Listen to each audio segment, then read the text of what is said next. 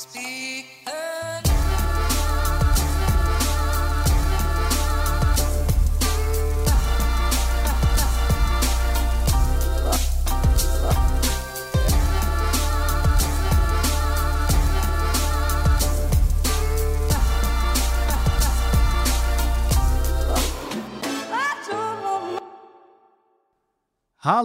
og velkommen hit til Klagemuren. Mitt navn er Kevin Kildahl, og det er lørdag den 15. januar. Lørdag den 15. januar. Og eh, klokka mi er 09.38. Jeg sitter og ser utover eh, eh, Der vanligvis eh, jeg ville sett en nydelig fjellkjede som vi har en utsikt til fra huset vårt, som heter Børvastinnan. Eh, de er nå De, de finnes ikke lenger. Det er grått, og det er skitvær. Men det er lyst ute, og det er lyst inne, for jeg har sittet alle eh, alle våre Philips Hue-lys i eh, Hva var det den heter? Det er sånn modus. For dere som ikke vet, så er Philips Hue det er sånn der han er veldig sånn harry sånn harry lyspære. Så du kan kontrollere med mobilen din, nemlig. Hæ? Tenke seg til. Vi bor i Det er 2022 nå. ja, det er det. Vi er kommet såpass langt at vi kan kontrollere lyspærene våre med mobilen. Men Du kan også skifte farge, og Det er i utgangspunktet harry, men du, det blir jo det du gjør det til. sant? Så hvis du har rødt eller blått, altså sånn signal, sånn sjokkrødt eller blått eller grønt, sånn neonlys i stua di, til, til en, en hverdag, sant? Hvis det er sånn du har det i hverdagen, så er det ikke nødvendigvis så jævla appellerende å henge der, at det gir deg ingen energi, sant? Uh, du, får, du, får, du trekker egentlig bare som paralleller til eh, LAN eller uh, biltreff. Uh, tidligste Fast and Furious-filmene. Husker dere de? Da var alle bilene det var bare rullende diskotek. Og det kan vi gjøre her hjemme hvis vi vil. Men det har vi jo ikke. Vi bruker varme farge på kveldene, og så bruker vi gjerne litt, litt mer eh, Litt kaldere, men eh, mer flomlys på dagtid, fordi at tidvis så er den stua her jævlig mørk. Og du vet jo hva de sier. Eh, med, med mørke stuer kommer mørke stunder. Eh, Neppe noen som har sagt det før, men eh, jeg, skjønner, jeg skjønner hvorfor jeg, jeg tenkte i de baner. Men eh, ja. Åpenbare er jo at uh, denne uka her har vært uh, prega av uh, ekstra mye stress, ekstra mye halloi. Uh, det foregår jævlig mye på Skubara akkurat nå, eh, og vi er vel eh, Ja. Eh, sist gang vi, vi hang i en tråd, så, så var jeg veldig sånn eh, Ja, nå er det, nå er det touch and go. Eh, men det var tydeligvis ikke da den gangen, for det er akkurat da som er nå. Så vi er, vi, vi er med et sånn der punkt der eh, eh, der noe må skje. Og eh, vi jobber jo med at noe skal skje. Det er ikke sånn at vi setter oss på ræva og bare oh, håper noe skjer. Um, men ja, det er jo varsla ei, ei slags gjenåpning, men eh, det, det er jo vi, vi har jo eh, drevet pub nå i to år, hvor folk må holde meter og ikke snakke med hverandre. Og eh, alle som har fornavn på, eh, som begynner med bokstaven B, dere må sitte på det bordet og ikke snakke med seerne. Det vet dere. Ikke snakk med C, og ikke snakk med H. Det liksom Det er som Da er vi tvinga til å drifte en pub med hendene på ryggen. Og så eh, alle de Jeg skjønner jo at eh, folk er gira på å få lov å bare ha åpent. Det har jeg null problem med å forstå. Men for oss så vet vi at eh, det blir, det blir stemning med hendene på ryggen, det blir et uh, salig Aron og skal holde styr på folk osv., og, så videre, og det er uh, minimal med inntjening. Og akkurat nå så har vi jo revet. Vi har jo revet kjøkkenet på Skubaret. Og- og det var fordi at det trengtes. Uh, det var noe det var noe lureri i de veggene der, for å si det sånn. Eh, så det er nå borte. Eh, og man skal jo sette opp veggene igjen og tilbake med utstyr osv. Det er litt arbeid der. Men vi har jo tenkt å ha arrangementer i kjelleren, så det blir jo kom. Eh, vi bare må ha på plass et par ting først. Um, så det har eh, vært en, eh, et stressmoment, og, eh, og stjålet litt eh, nattesøvn òg. men så har man jo også eh, det han som jeg har, eh, det han som jeg har jobba med i, i høst og i jula og, og utover nyåret. Og jeg kan se sånn at eh, jeg var hos legen i går, jeg hadde legetime i går, og da hadde jeg, jeg, jeg hadde skrevet og, Nei, jeg skal, ikke, jeg skal ikke skrive. Jeg skal ikke lese opp hva jeg har skrevet til legen. Uh, det, kan jeg, det kan jeg gjøre en annen plass. Men i hvert fall, det har jo vært ganske, ganske hard høst, og, og det har mange hatt. De aller fleste hatt en hard høst. Og eh, jeg bare merker at jeg takla denne lockdownen mye dårligere enn de tidligere lockdown. Og, og så vet jeg at mange er sånn her, Det er jo ikke lockdown, hva du snakker om? Ja, fuck off. Snakk for deg sjøl, din jævla kuksuger. For meg har det vært lockdown. Og ja, snakk for deg sjøl. så denne lockdownen har jeg takla dårligere enn de eh, som har vært tidligere. Jeg vet ikke hvorfor, at det er bare at jeg er lei. Men jeg husker når vi gikk inn i den første lockdown, så hadde jeg jo to dager hvor jeg var sånn super eh, Alt går til helvete, det er bare å skyte seg sjøl. Sånn der. Eh, Som veldig mange. Men så begynte vi å streame, og så begynte vi å Altså, vi, vi hadde løsninger. Vi, vi gikk løs på løsninger, og vi fikk det til å funke til en viss grad. Det var i hvert fall ekstremt utslagsgivende for at vi skulle klare oss både med pub og heim og, og um, det private, sant? Um, men nå um, den, I denne semi-lockdown, hvor det er kun vi, sant? det er uh, kultur og uteliv, det er de som er blitt stengt ned, uh, så, em, så føler man seg ekstra ensom. For i mars i 2020 så var det liksom, da var alle hjemme. da var alle i samme båt, og da var det mye lettere. Uh, fordi at, ja, ikke sant, hvis et fly styrter, hvis det er kun du i flyet, så er det jo jævlig, altså du, det, jeg ser bare for meg at det er ekstra kjipt i forhold til å sitte på et fly med 140 andre som skal dø i lag med det. Det er en viss trøst i det. At vi er nå mange, om ikke annet. Det blir noe Jeg, jeg, jeg unner ingen det arbeidet med å identifisere oss når vi treffer bakken, ikke sant? Mens uh, hvis du er alene, så er det Man, uh, man, føler, seg, man føler seg ensom. Og det Og det er på mange måter en av de tingene jeg har følt på i høst. Uh, fordi at jeg er jo Når jeg får lov å operere som vanlig, så er jeg jo vant til å reise rundt, møte masse folk, opptre, helse og ta i øl og bare bare få enormt mye inntrykk og tilbakemeldinger og sånn. Mens nå er jeg eh, i høst Jeg har bare vært hjemme. Skjønner? Jeg har bare vært hjemme. Og, og det har vært periodevis altfor mye arbeid, så, og mye kjøring og mye eh, korte netter. Og, og ikke så mye rus. Ikke i nærheten av det som eh, jeg anslår til å være min normal. Um, og mindre og mindre rus òg. Etter nyttår uh, Ikke sant, vi, vi Det bare frister ikke like mye. Og, da, og det er Og det kan jeg si av erfaring òg. Hvis, hvis rus ikke frister, så skal du holde unna. da, da, er, da er det kroppen, da er det hodet ditt som sender et signal at du, vi trenger ikke å ruse oss.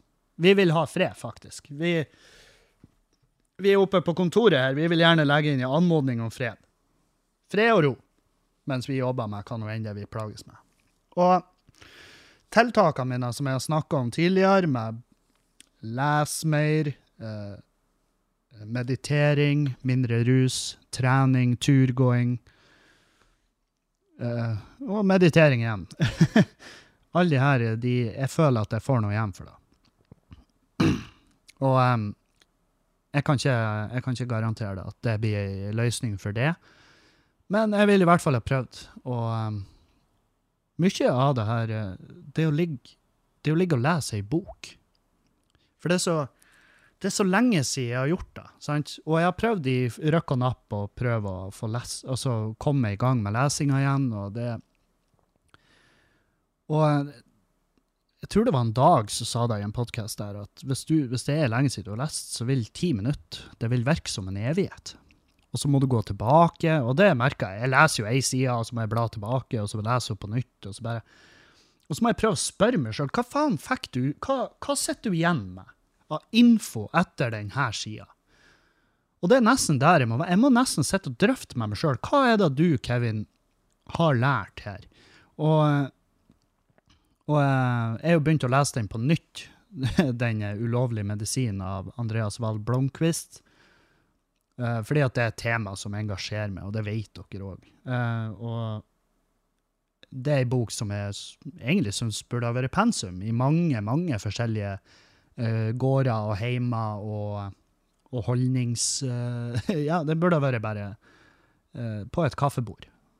Og gjerne med voksne mennesker som trenger å fuckings skjønne at hva vi fant ut på midten av 70-tallet, det er ikke nødvendigvis det rette.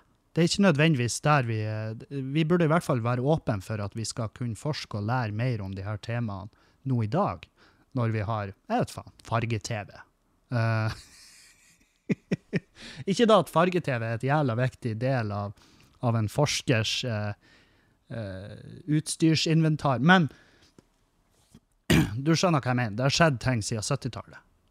Og og da burde vi være åpne for å ta opp de her spørsmålene igjen. Spesielt når eh, behandling av psykisk sykdom med LSD, uh, psilocybin og MDMA uh, har vist enorme resultater.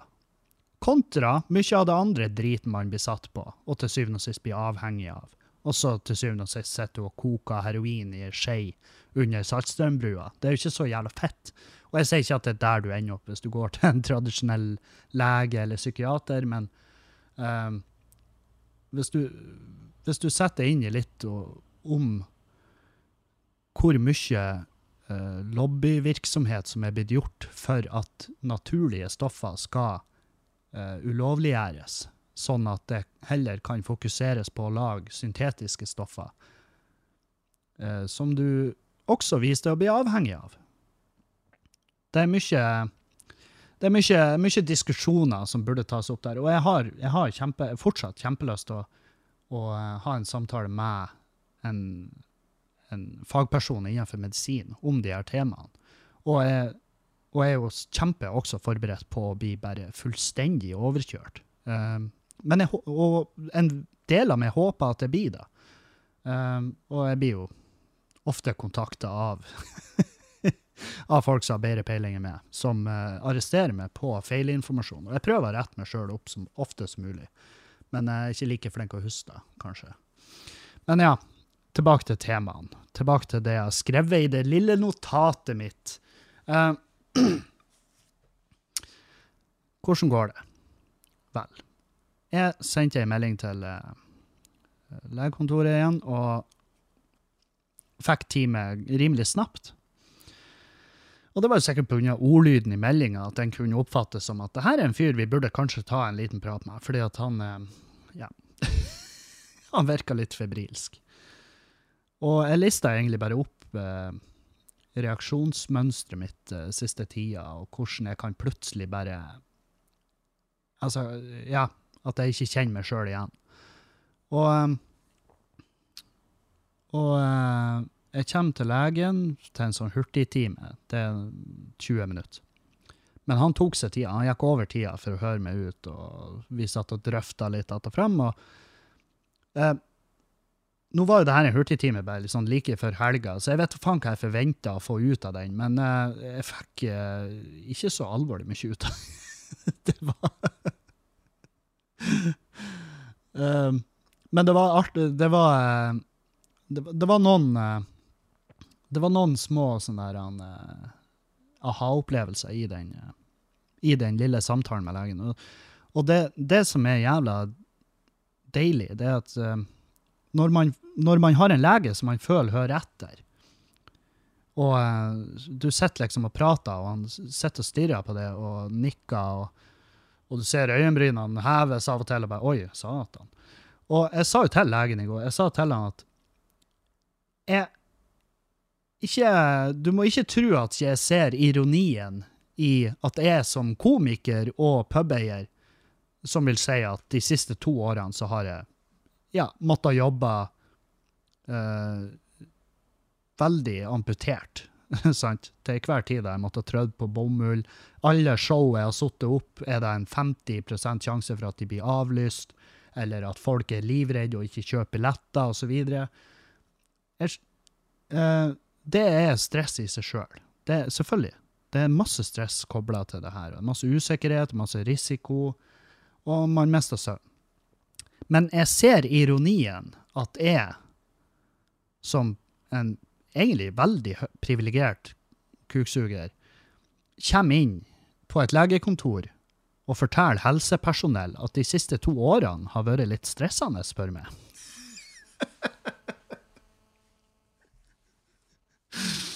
Og jeg, jeg begynte å flire når jeg sa til han, for jeg kom på det der da. Jeg helvete, jeg sitter faktisk og til en lege om at jeg har hatt det. Jeg syns det er litt stress.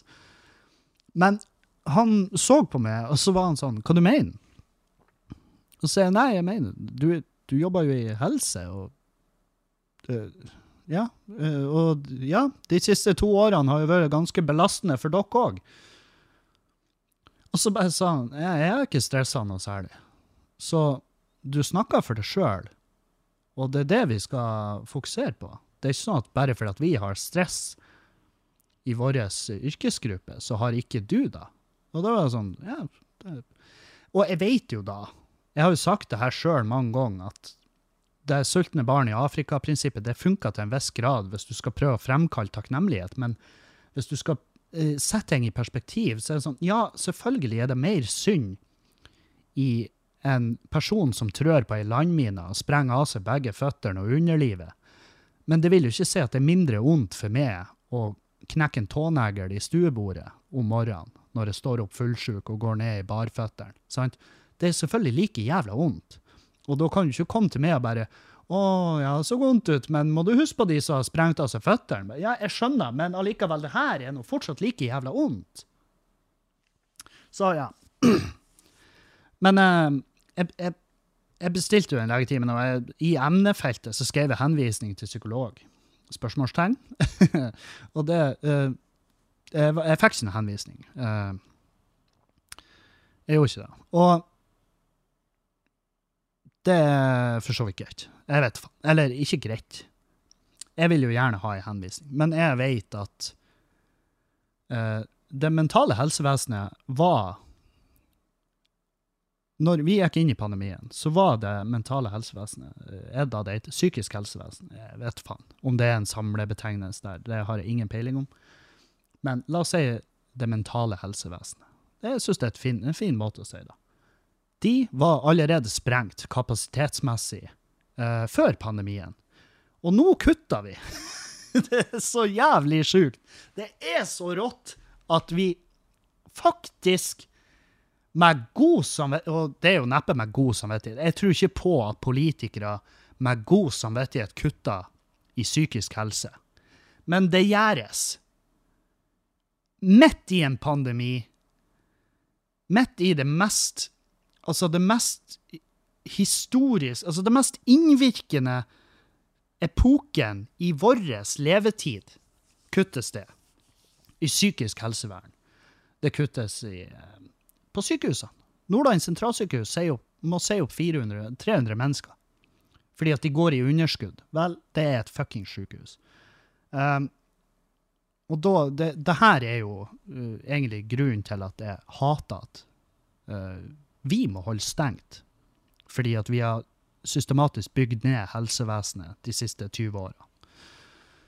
Um, det er jævlig trist. Men tilbake til temaet. Jeg hadde jo lyst til eh, jeg hadde jo lyst på en henvisning, men hvis legen min sier at jeg er for frisk til å få eh, til å skal belaste det psykiske helsevesenet, det mentale helsevesenet Hvis jeg er for frisk til å skal belaste dem, så ja, greit.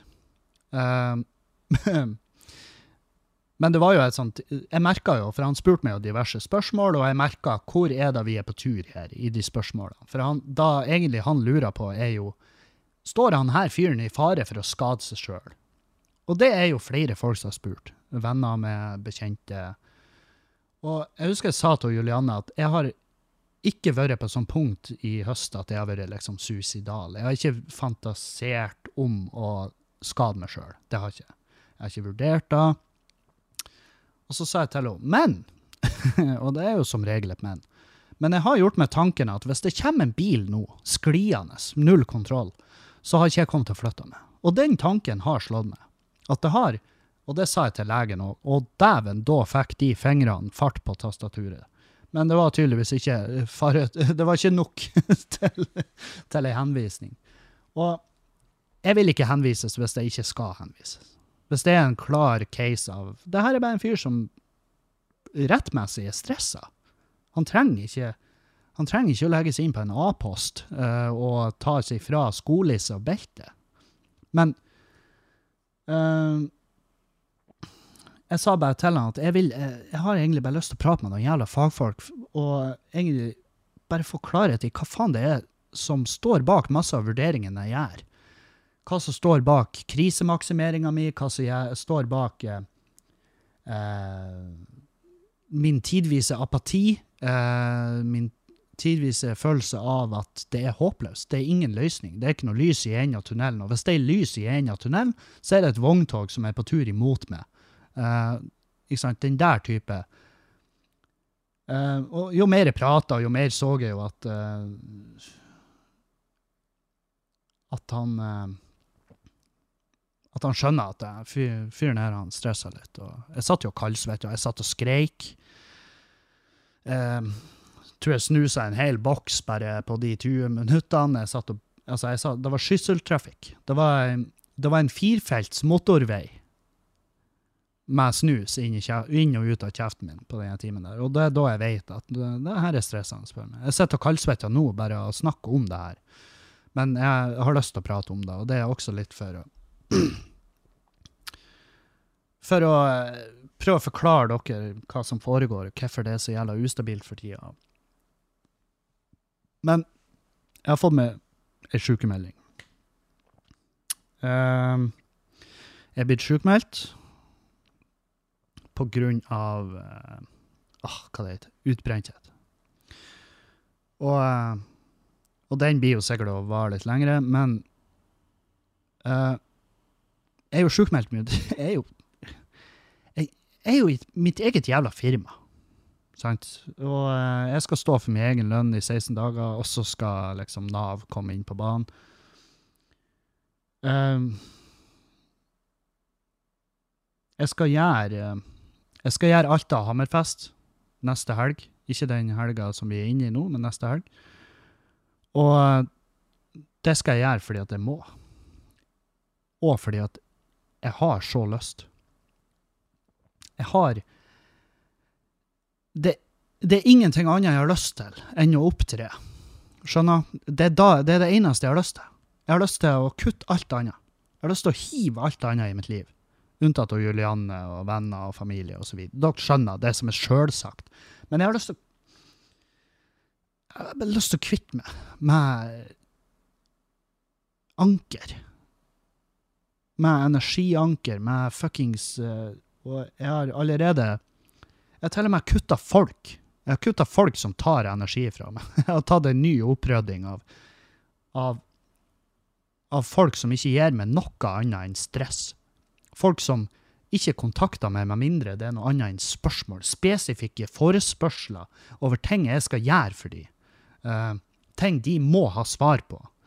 Uh, blant annet uh, folk som fordi at eh, ja, siste tida det har vært ganske ustabil eh, frekvens på episoder som jeg har lagt ut i forbindelse med podkasten, og det har jo hatt mye med min helse å gjøre, det har hatt med Julianne sin helse å gjøre, det har hatt med egentlig bare eh, også tidspress her hjemme. For det har vært tidvis sånn eh, Jeg setter meg gjerne ned og spiller inn en podkast i en time det er den ferdige fila som blir lagt ut til dere. Men det er ganske mye arbeid for å spille inn en podkast.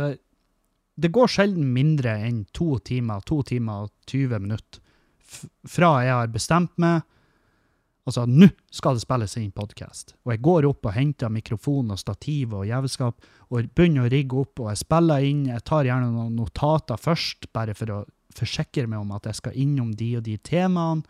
Og til det er ferdig lagt ut, eh, så tar det gjerne to timer. To, imellom to og to og en halv time. Så det Og det burde man ha i løpet av en dag, eh, når du statlig pålagt til å ikke jobbe.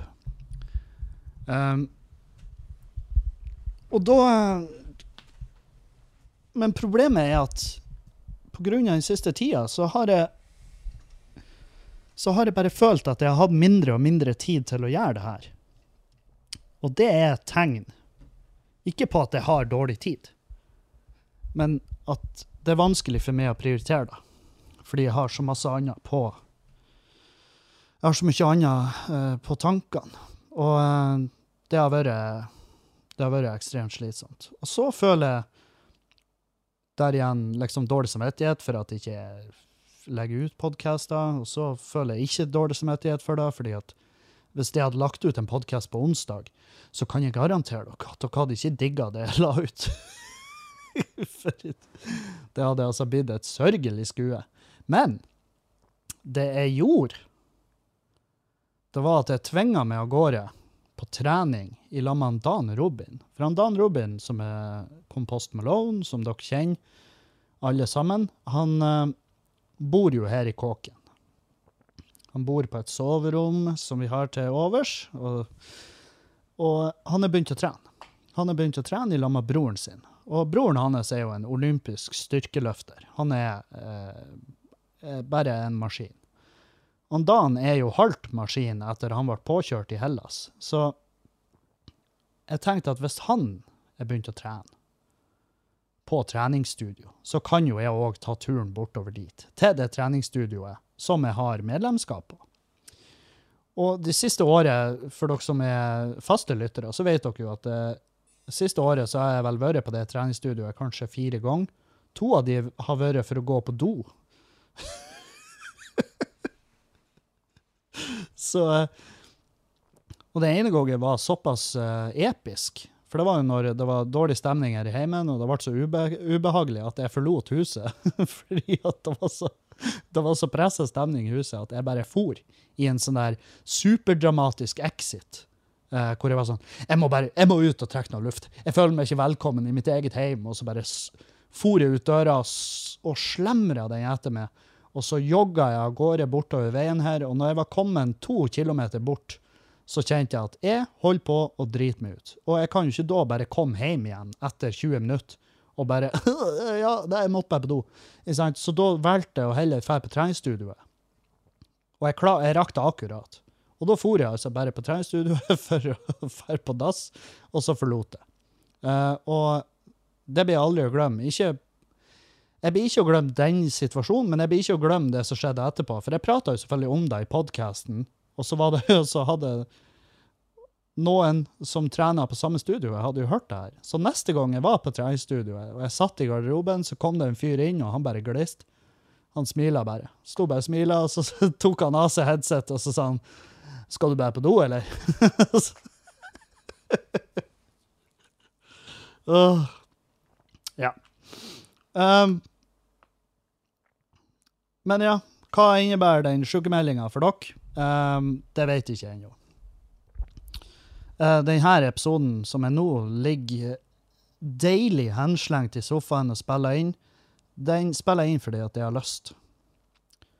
Så uh, det er vel gjerne der uh, Og det sa jeg jo før jul òg, at det kan bli litt ustabilt fremover, men jeg burde legge ut episoder når jeg har lyst. Altså sånn når jeg føler meg inspirert til å spille inn en podkast-episode. Det er det som er greia. Fordi at hvis Jeg har spilla inn podkaster når jeg ikke var i form, og det har jeg egentlig bestemt meg for at det skal jeg ikke gjøre. Da er det heller å gi faen i å legge ut, enn å legge ut noe når du ikke er i form. sant? For jeg, jeg, jeg hater sånne halvveisgreier. Og det er derfor, er derfor rammer Altså sånn konkrete rammer og tidsplaner sånn, eh, som regel eh, byr meg imot. Det er fordi at eh, det er fordi at eh, Og det er fordi at det er bortskjemt, sant? Jeg skyr jo arbeid som jeg føler jeg må gjøre. Og det gjør jo alle.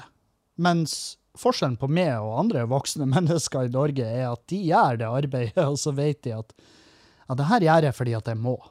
Mens jeg er sånn der Nei, det gidder jeg ikke å gjøre, for det har jeg ikke lyst til akkurat nå. ja, men Kevin, huset brenner. Du burde jo gjøre en innsats for å slukte det. Ja, nei, ikke i dag. Vi får ta det i morgen. Det, det er sånn rar tankegang. Og den også var jo en del av den tankegangen som jeg hadde lyst til å adressere ved et møte med en eventuell psykolog eller psykiater eller samtaleterapeut, eller hva i faen de heter. Reiki-healer, eller hva nå enn i faen. Men, uh, det, men det blir jo ikke noe av per nå. Men uh, vi satte jo opp en ny legetime i neste uke allerede. For han var sånn Ja, så nå tar vi ei uke, og så kommer du tilbake, og så ser vi. Og så var jeg, jeg bare Ja, nei, nei takk. og jeg vet ikke hva jeg forventa. Jeg, jeg føler jeg er, u, jeg er urettferdig mot legen nå, egentlig. For jeg vet ikke hva jeg egentlig forventa når jeg kom inn der med hatten i handa. Og, og jeg ble lytta til, og han var ekstremt forståelsesfull. Og han ga meg en Jeg skal fortelle dere om en sånn der aha-greie der. Og og det var at uh, etter hvert som jeg satt og fortalte, og han bare ja, hva er bekymringene dine? Og jeg bare bekymringene mine er jo at vi mister puben, det er nå én ting, men at vi mister huset. Bekym der, liksom. Bekymringene ligger hvis det her går så langt at vi mister kåken, mister liksom eh, bilene, og at vi mister den friheten vi har i dag. For altså Og jeg sa det, og da sa jeg til han at jeg, jeg tror ikke jeg hadde takla å miste kåken. Og jeg skjønner ikke hvorfor jeg sier det til legen min. Hva faen tror jeg skal skje der? Å oh, ja, men jeg er jo lege, jeg har ganske høy lønn, så jeg kan jo sikkert vippse det. Jeg vet ikke hva jeg forventa. Men da var det vel egentlig bare sånn at for å sette ting i perspektiv for hans del, sånn at han skal forstå hvorfor sitter han her voksne, privilegerte fyren og skriker foran meg? Som et barn? Hvorfor sitter han og tørker tårer og snufser og snyter seg i sitt eget munnbind. Uh, og det er derfor jeg forteller de her tingene. Det er for å sette, bare for å sette ord på det. Og fordi at det hjelper meg. Uh, og det hjalp med den legetimen i går, egentlig mest fordi at det, fikk, det tvinga meg til å oppsummere høsten. ikke sant? Uh, mens når jeg går hjemme her og forteller hun Julianne eller han Dan hvor ufattelig kjipt det er å være han Kevin Kildahl, så, så eh, dropper jeg jo bare én og én. Sant? Jeg gir de jo bare Ja, akkurat nå så har jeg sånn. Og akkurat nå så har jeg sånn. Mens når jeg drar til legen, så blir jeg tvinga til å oppsummere og sette høsten i et større bilde. Og um, det var ekstremt slitsomt. Det var, det var, og det var jo derfor jeg brøt. Det var jo derfor jeg begynte å belge og liksom bare hulke. Men uh, et, uh, et, perspektiv som jeg trengte, følte jeg. Og når jeg kom hjem fra en legetime, jeg gikk og rista. Jeg hadde, jeg hadde så mye adrenalin. Jeg klarte ikke å sitte i ro her hjemme. Jeg for og trødde rundt i stua. Vi fikk jo kaffebesøk av Sondre, som jobba hos oss uh, på Skubaret. En nydelig liten uh, arisk blomst fra Saltstraumen. Og han var på besøk og satt og drakk kaffe, mens jeg for og trødde rundt i stua her som om jeg leita etter noe. Men sannheten er at jeg klarte bare ikke å holde meg i ro. Jeg er så jævla Og det er da som er. Enten så klarer jeg ikke å holde meg i ro, eller så er jeg så jævlig slapp at jeg ikke klarer å bevege meg. Så det er liksom Og det, det, og det sa jeg til legen der, at det som skremmer, er at toppen Altså avstanden mellom topp og bunn blir bare større og større. Og mens frekvensen av å kjenne på topp og bunn blir mindre. Altså at det blir oftere. Det skjer oftere. Så frekvensen blir vel større, da. Hvis vi skal være nøye på det. Um, og da sa han at uh, uff, ja, det her hørtes stressende ut. Eh, det blir 180 kroner. Nei, han sa det her hørtes uh, inn i helvete stressende ut. Og så sa han men uh, gjør en ting når du kommer hjem. Ta og spør For når jeg lista opp hva jeg var redd for? Det var jo mest huset, mest biler, mest jobb, mest uh, pub, mest Julianne, mest all Egentlig alle akseleratorer for å holde meg gående. Og så var han sånn Ja, men når du kommer hjem, ta så spør hun Julianne. Så spør du om Kommer du til å fære ifra meg hvis vi mister huset? Og så var jeg sånn OK. Og da har han plukka opp på at uh, jeg Og jeg har ikke tenkt over det, men han har plukka opp at i underbevisstheten min så har jeg tenkt at hvis huset ryker, så ryker hun Julianne òg. Fordi at når jeg spurte henne det spørsmålet, så kjente jeg at Wow. Uh, det satt langt inne å spørre spørsmålet, og det å høre svaret hennes uh, var altfor deilig. For hun var sånn Det er jo, det er jo bare gammelt show. Gi nå faen i huset. Det er jo det er jo jeg og du som er i lag, ikke jeg og huset. Etter en sånn sa hun. Og, og uh, Vanskelig å prate om, faktisk, kjente jeg. Uh, men hun svarer jo da, og det gikk en sånn her han uh, muskelforløsende følelse nedover ryggen min, som er gjerne et bevis på at det her er et spørsmål du har gått lura på uten å egentlig reflektert over det. Du har ikke forma spørsmålet inn i hodet ditt, og du har i hvert fall ikke spurt den personen du burde spørre om det her spørsmålet. sant? Uh, og, så det Bare da alene fikk jeg ganske mye ut av. Uh, følte jeg. Uh, ja, så Hva skjer fremover? Uka som kommer så skal jeg til Alta på fredag og til Hammerfest på lørdag. Det blir jo show med koronarestriksjoner. Bestill samla, så får dere sett sammen og alt det her vanlige. Eh, hvis noe skulle skje, og vi får eh, kvadruplikron-varianten eh, vaska innover landet som en, som en zombieapokalypse, og showene blir avlyst, så får du jo selvfølgelig refundert billettene dine. Så hvis du bor i Alta eller Hammerfest, vær så ulidelig snill å komme på show. Det Jeg trenger det. Og du trenger det. Herregud, det har vært en periode med altfor lite gøy. Så la oss, uh, la oss, samles, la oss gjøre det her. Og jeg gjør de showene fordi at det er ingenting jeg har mer lyst til å gjøre nå enn standup. Det er da. Jeg sa til legen enten så har jeg lyst til å gjøre standup, eller så har jeg lyst til å bare flytte selge absolutt alt. Få meg hytta opp i skauen, uten strøm, uten dekning, og bare leve av jorda. Og han, og han sa uh, Jeg tror ikke det at du skal isolere det, er det smarte uh, valget nå. Jeg bare, ja, men det å uh, være i nærheten av folk byr meg noe borti helvete imot. Jeg, jeg, har lyst til å være sammen med Julianne, jeg har lyst til å være sammen med Dan og Lina, jeg har lyst til å henge med de. Men det er fordi de basically bor i, altså de bor i det huset her, sant? så jeg har jo mye med det å gjøre. Og de kjenner meg, og de vet alt jeg går igjennom, og, og jeg får en viss grad for forståelse der. En stor grad av forståelse der. Uh, og det er jo derfor at jeg byr meg imot å liksom skal fære ut og oppsøke andre folk. Og så har det jo også litt med den pandemien vår å gjøre. Fordi at jeg har fått beskjed om å begrense antall nærkontakter. Og jeg hører etter som en snill liten jævla eh, kanonføde, kuksuger, offergave til eh, sykehusgudene som har valgt å sable ned sitt eget jævla Sodoma.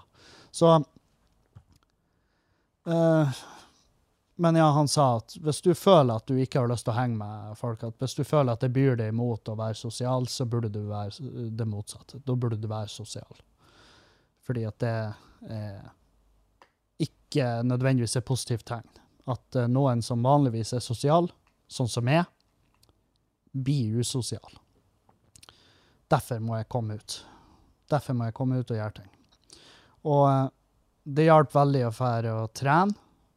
Ikke bare fordi at jeg hadde godt av den treninga, og jeg tok det veldig rolig, men jeg ble jo støl som faen. Altså, de puppene mine kjennes jo helt horrible ut. Og jeg sier pupper, for det er da jeg har. Jeg har ikke brystkassa ennå. Jeg har to sånne heksehatter som henger og geiper rett ut av kroppen min. Det ser ut som to grytelapper. Sånn tjukke grytelapper. Sånn som du egentlig har lyst på. fordi at da kan du bære i ildfast form lasagne herifra til nabokommunen uten at du brenner det. Eh, sånne eh, pupper har jeg. Og um, jeg er ikke ufornøyd med puppene mine, det er ikke det jeg sier. Men det er pupper, ikke ei brystkasse. Um, men ikke bare da at det å trene er veldig godt, men det er jo også Du, du går jo litt planken, for du er jo ute der blant folk. Og jeg er jo virkelig ute der blant folk som er i en kjempedeilig form. Og det tidligere har plaga meg at det er Tidligere så har det plaga meg at jeg er den minst trente på treningsstudioet. Men så, eh, etter alderen, tror jeg, så har det ikke plaga meg så mye. Akkurat nå ga jeg fullstendig faen. Jeg ga, helt, faen. Fordi at jeg vet at ingen ser på meg. Det er bare en følelse du har i hodet ditt. Med mindre du kommer inn i, selvfølgelig Hvis du kommer inn utkledd som Elton John uh, i konsertkostyme, så, eh, så sier det seg sjøl at folk blir å se på det. Også hvis du bruker treningsapparatene til å gjøre andre øvelser enn det de er ment for, så blir du fort en YouTube-video. Men jeg er veldig imot det her at vi skal drive på latterliggjøre folk som er på treningsstudio. Jeg er prinsipielt imot det. Fordi at jeg har for det første blitt utsatt for det der sjøl. hvor jeg har eh, blitt tagga i storyer på Instagram når jeg har vært og trena. Og eh, da tok jeg kontakt med han fyren som hadde lagt ut den videoen, så spurte jeg eh, høflig om hva som var problemet hans. Og jeg skjønner hvor han kom ifra. Jeg tror ikke han hadde tenkt over hva han faktisk gjorde. Han syntes bare Han lova på tro og ære at han syntes det var stas å se meg. Eh, jeg har nå ennå mine tvil om det, men det er jo sikkert bare min egen usikkerhet som hyler og skriker. Og det var jo ikke noe sånn der jævlig Det var bare at jeg sto og jogga på mølla. Og riktignok, med min løpeteknikk, så høres det jo ikke ut som jeg jogger på mølla. Det høres jo ut som at jeg står Det høres ut som at jeg spiller perkusjon i eh, Hurra Torpedo-bandet. Det, det høres ut som jeg står Du vet når du åpner en sånn gammeldags komfyr, en sånn gammeldags stekeovn, sant? Eh, som, de, er gamle, de er så gamle at døra er 80 cm brei, mens du må dele en Grandiosa i to hvis du skal steke den i den ovnen, fordi at eh, veggene er så tjukke. En sånn gammel stekeovn. Når du åpner døren og smeller den igjen, og bare gjentar da sånn Sånn høres det ut uh, når jeg sprenger på tredemølla. Og det vet jeg jo, fordi, og jeg vet hvorfor. Det er fordi at jeg har feil løpeteknikk, egentlig. Så jeg lander jeg lander så hardt og så brutalt som jeg kan. Og det er jo sikkert derfor jeg har vært plaga med både kne og legger og egentlig alt. Så nå er jeg jo blitt, uh, blitt, mer, blitt mer våken på løpeteknikken min. Og det var jo Og det er lenge siden jeg begynte å tenke på da. Det er veldig lenge siden. Men jeg må minne meg på det. Fordi at jeg har fortsatt den plattfotteknikken hvor jeg bare egentlig bare Ja, hva faen jeg skal Ja, jeg tramper bare legger altfor mye press på foten. Og det, altså, jeg har aldri hatt løpetrening. Det er aldri noen som har adressert det her. Jeg husker han pappa sa det når jeg var yngre, når jeg var i tolvårsalderen. Han bare ja, du, Det høres ut som Donald når du sprenger. Husker jeg han sa. Og, men det er også det eneste han sa. Han sa aldri at det der det kan føre til ganske plagsomme belastningsskader i, i fremtida di, med at du får onde kne, og at du får beinhinnebetennelse i leggene og sånne ting. Og spesielt i, hvis du plusser dårlig løpeteknikk på med at du kjøper joggesko til 250 kroner på Sport Outlet eller på Jula. For det var gjerne der jeg var på den tida. Mens nå i dag så har jeg heller lagt penger i joggesko enn å legge de i Ja, vet faen. Eh, noe som jeg har mindre bruk for, som er dyrere. Jeg jeg klarte, klarte ikke å hente et eksempel ut av løse lufta der. Så jeg bruker heller penger på de joggeskoene enn at jeg bruker de på krumfelger til bilen min. Sant. Uh, artig at krumfelger var det jeg kom på. Men åh. Men det var Det var deilig å få trene og bare ikke få øyekontakt med folk. Eh, og samtidig observere ungdommen. For det var et par unggutter der. Og det var mange unggutter der. Det, det krydde av de. Og det var en fyr der som eh, bare irriterte meg. For han, eh, han bare og jossa, og det var så tydelig at han, han skulle egentlig bare plage to andre jenter, så var det å trene og prøve seg på de. Eh, som er noe fair enough. Men han sto jævlig sånn her, han, oppi meg til hver tid. Det virka som at vi hadde et samme treningsprogram, som er veldig rart, for jeg hadde jo ikke et treningsprogram som jeg gikk ut ifra. Jeg bare gjorde de øvelsene som tok de muskelgruppene jeg var ute etter. Eh, men han ene kisen der, han begynte å prate med kompisen sin, og så bare Dude, du må lese The Game, hørte jeg bare. Og da og det her var mens jeg var på tredemølla, og jeg har ikke på meg headset eller noe, så jeg, så jeg kunne liksom ikke tune ut, fordi at musikken på treningsstudioet var ikke-eksisterende. Det var ikke musikk der. Uh, så når det var helt stille, og de satt og prata rett på sida meg, så hadde ikke jeg noe sjanse annet enn å bare få med meg hele samtalen. Pust og alt. Og når han sa 'du må lese The Game', så, så begynte jeg bare å flire. mens jeg jogga. Fordi at uh, uh, Jeg har vært der. Jeg har lest The Game. Jeg husker jeg kjøpte boka når jeg var 20 år gammel, tror jeg. 21. Og for dere som ikke vet, så er The Game det er ei bok skrevet av en uh, Av en høyst kontroversiell dude. som har blitt utfordra for sitt uh, kvinnesyn i ettertid, osv., osv. Uh, jeg skal bare se hvem, hva han heter, for jeg har glemt det. Dette er jo ikke ei bok som jeg bruker noe særlig um, tid på i dag. Neil Strauss. Uh, og uh, boka går ut på du, hvordan du skal sjekke opp folk, sant? Og gjerne en stor del av det å, uh, den teknikken for å sjekke opp folk der, er jo at du skal bare at du skal gi negative komplimenter. Uh, sånn her ja, 'Håret ditt har vært veldig fint hvis du har dusja.' Dårlig eksempel, men, men uh, det er liksom såkalte pickup artists som uh, har lært seg teknikker hvor de skal gå ut og peacock, eksempel. Det er et uttrykk, og det vil si at du skal kle deg i uh, helt uh, i, i corny klær. Ta på deg en flosshatt. Masse sånn forskjellige sånne rare greier. Peacocking.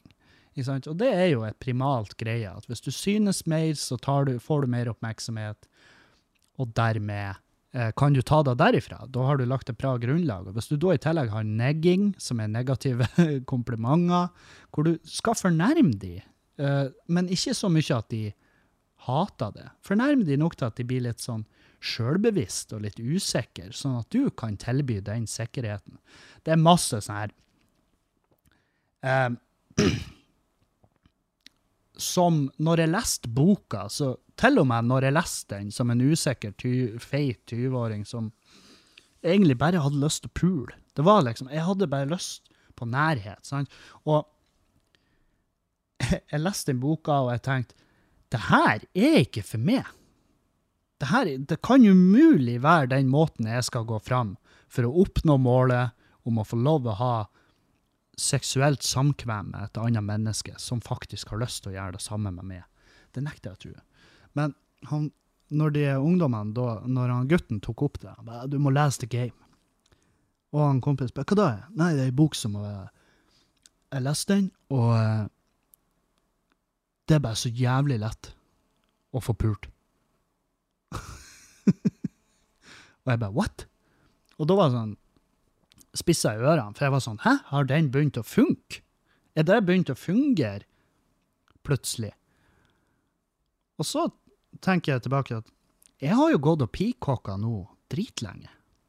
Jeg er jo det er jo nesten blitt en greie at jeg har uh, corny, blomstrete, veldig fargesterke klær på scenen og skjorte og jakker, og, og det er liksom blitt en greie. Og, så jeg driver på peacocker uten at jeg er klar over det sjøl. Men jeg gjør det fordi at jeg liker farge. Det er ikke fordi at jeg tror at det her det skal vekke oppmerksomheten i det motsatte kjønn til en sånn grad at de spør meg hei, kan jeg få lov å suge det? Det, det, er ikke det som er det eh, bakenforliggende her. Men jeg husker på den tida i Trondheim når jeg leste den boka, for da var den veldig i vin. Jeg spissa ørene mine når jeg hørte Game nå, fordi at Oi, fins den ennå? Er det ennå et tema? Um, men når jeg leste den i, i, den tida i Trondheim, så var den dritpopulær. Det var en bestselger både i Norge og i verden generelt.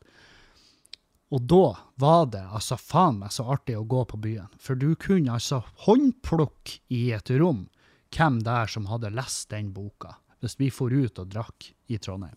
Så var det null problem å for forstå hvem her er en såkalt pickup artist, aka Neil Strauss, og har lest den, det lyriske makkverket av en giftig pissproduksjon. Um, for jeg nekter å tro at, uh, at det der er utelukkende positive tips som kommer inn der. Jeg leste, jeg henne ferdig, men det var egentlig kun for Kun for interesse. Altså bare for, for the fuck of it. Jeg, jeg konkluderte jævlig tidlig i den boka at det her er ikke ei bok jeg blir å følge rådene til. Um, I hvert fall ikke med vilje. Men i ettertid så, så, skjønner jeg jo at kanskje jeg tok til med det peacocking-greiene. Jeg har jo sagt da når folk har spurt sånn, Jesus, hvordan du kler det, og så videre. Jeg var sånn, ja, men faen, jeg er en skalla fyr uten øyenbryn med skjegg. Jeg har ingen ansikts... Jeg har ingen uh, ting folk husker meg på. Det er derfor jeg får tilsendt, og det her er ikke kødd, i hvert fall tre ganger i uka så får jeg Instagram-meldinger eller snaps hvor det er bilder av en annen skalla fyr med skjegg som ikke ligner litt engang, spør du meg. Og de bare 'Å, er du begynt å jobbe på Claes Olsson?'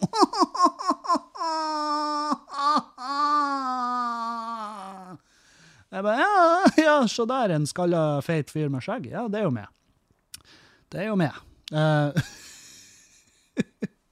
Jeg vet ikke hvor mange ganger jeg har sagt det, men det er litt sånn uh,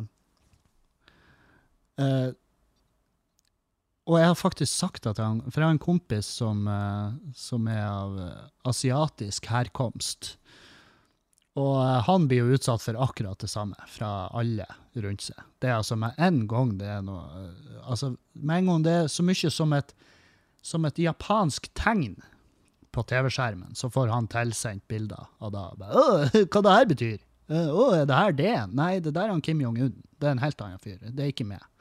Så han opplevde det her da, ofte. Hvor jeg er sånn her, ah, jeg vet akkurat hva du går igjennom. Jeg får samme, jeg får bilder av feite folk med skjegg som ikke har hår på hodet, og det er automatisk med. Det er automatisk med. Hvor han da kunne fortelle meg at uh, det er ikke det samme. Og uh, så nikka jeg, og så sa jeg OK, det, den er grei. Uh, jeg gidder ikke å krangle på det. Fordi at jeg blir jo ikke jeg blir jo ikke dømt ut av rase. Jeg blir jo dømt ut av mitt jævlig generelle utseende. Og det gjør meg ikke så forbanna mye, egentlig. Det er bare irriterende. Fordi at jeg føler meg som en drit når jeg ikke Når jeg får de her meldingene. sant? Jeg får et bilde av en fyr og bare 'Å, se den her fyren, han ligner på det.' Jeg bare, ja, ja. Oh yes. Um, så bruker jeg ikke å svare på de meldingene. Hvis jeg svarer på de, så er det sånn he-he, ja, det er meg. Uh, og jeg tror ikke at de skjønner at jeg da er sarkastisk. Ja, det er meg. Mm. Artige greier. Funny stuff. De, jeg tror ikke de skjønner det, men det er for så vidt bare greit.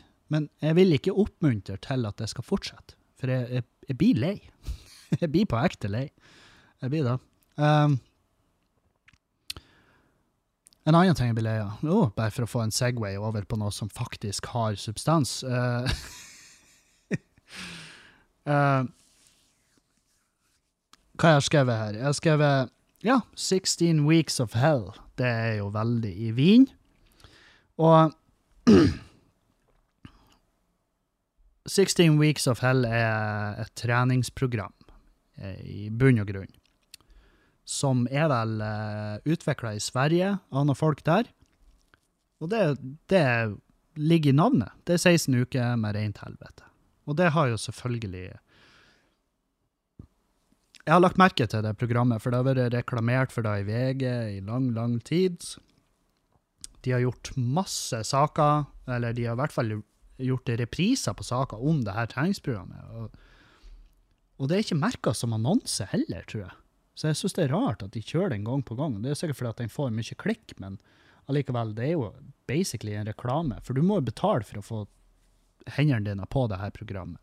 Eller du kan se slankeprogrammet som eh, TV Norge og Discovery har, uh, har uh, drista seg til å lage i dagens tema. Tematikk og i dagens klima, mener jeg.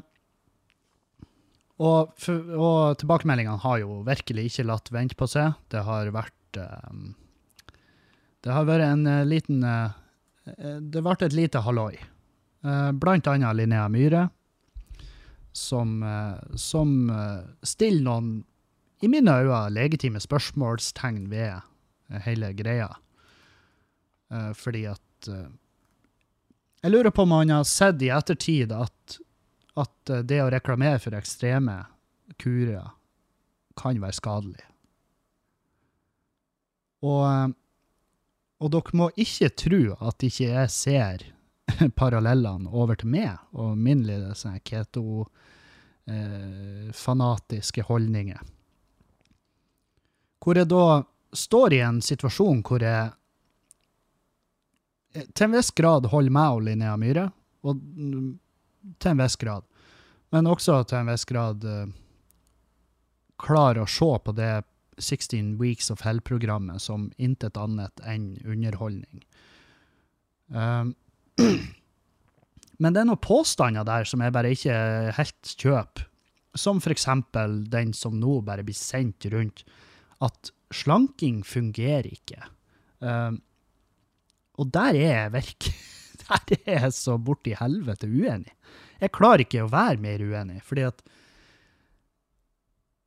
uh, Jeg var jo 150, og nå er jeg 90 Hva var jeg målt med på i går? 90,8. Så jeg går sakte ned. Jeg går sakte, men deilig ned nå. Um,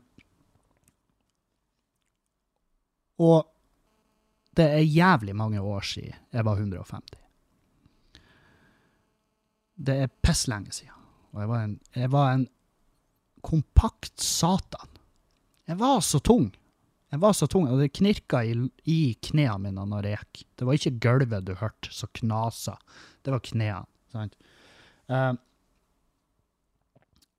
og jeg slanka meg. Det var det jeg gjorde. Jeg slanka meg regelrett. Jeg husker jeg begynte med Tech Nutrition sitt treningsprogram som heter Release Your Potential, eller RYP.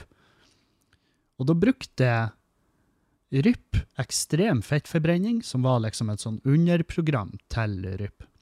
Jeg brukte da programmet samtidig som jeg drev med boksing. Og så la jeg jo om kostholdet helt. Og kostholdet er jo veien. Det er der du må i gang. Og em, et poeng som jeg kan henge meg på, er jo at slanking fungerer ikke hvis du ikke har tenkt å endre din måte å leve på. For det er jo det. Og og, men si nå bare da, da. Fordi at der er absolutt en viss underholdningsverdi i å se han Håvard Lilleheie ha det helt jævlig på, en, eh, på, en, eh, i et, på et treningsstudio. Og det er masse situasjoner der hvor eh, de sikkert har filma den samme situasjonen sju ganger for å få det artige poenget fram.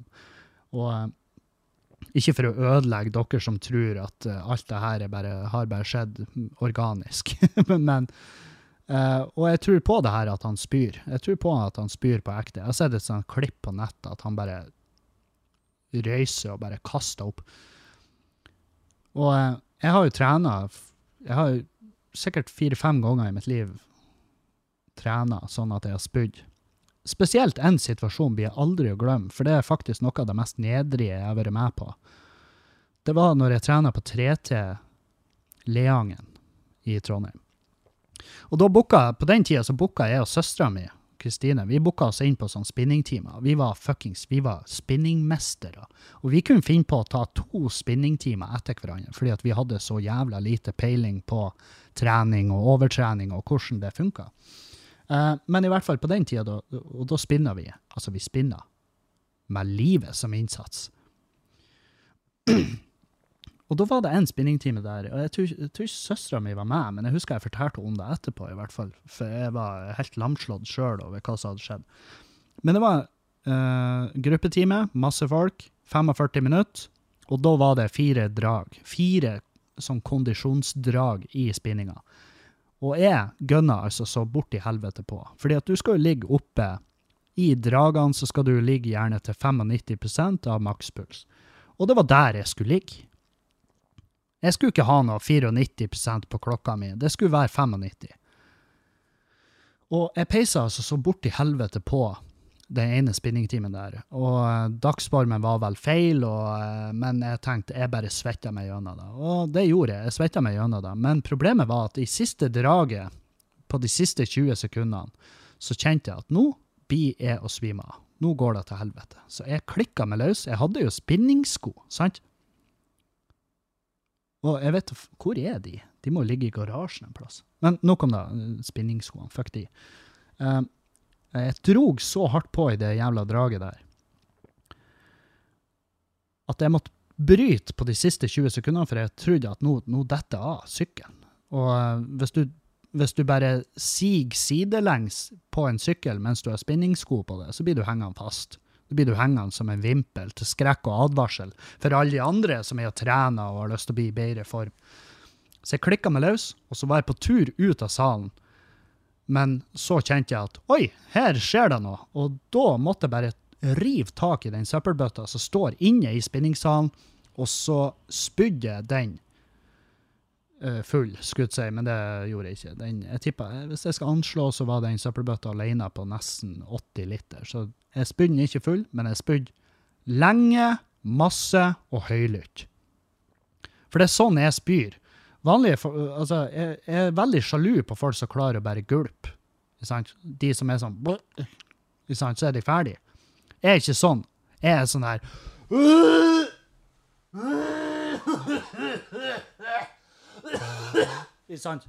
Sånn spyr jeg. Og da tar jo jeg nødvendigvis oppmerksomheten fra resten av spinningsalen på 3 til Leangen i deres 20 siste sekunder av draget, hvor, hvor det er en blanding av sånn småhumring. For jeg hører et par av de bakerste, de skikkelige, de godt trente, de som har vært der i årevis, de ringrevene, sant? De flirer fordi at de vet, for de har vært der sjøl på et eller annet punkt. Men så har du de som begynte å trene samtidig som meg, da, som var sånn der, Å, nytt år, nye muligheter, sommerkroppen, her kommer jeg. De var jo livredde. De trodde jo jeg var på tur å dø. Så det var sånn Oi, å, å herregud! Å herregud, hjelp en! Må hjelpe meg! Herregud, ring noen! Ikke sant, sånn der stemning. Men spinningtreneren var sånn Det dere har her, folkens, Det er en kiss som tar den fullstendig ut. Og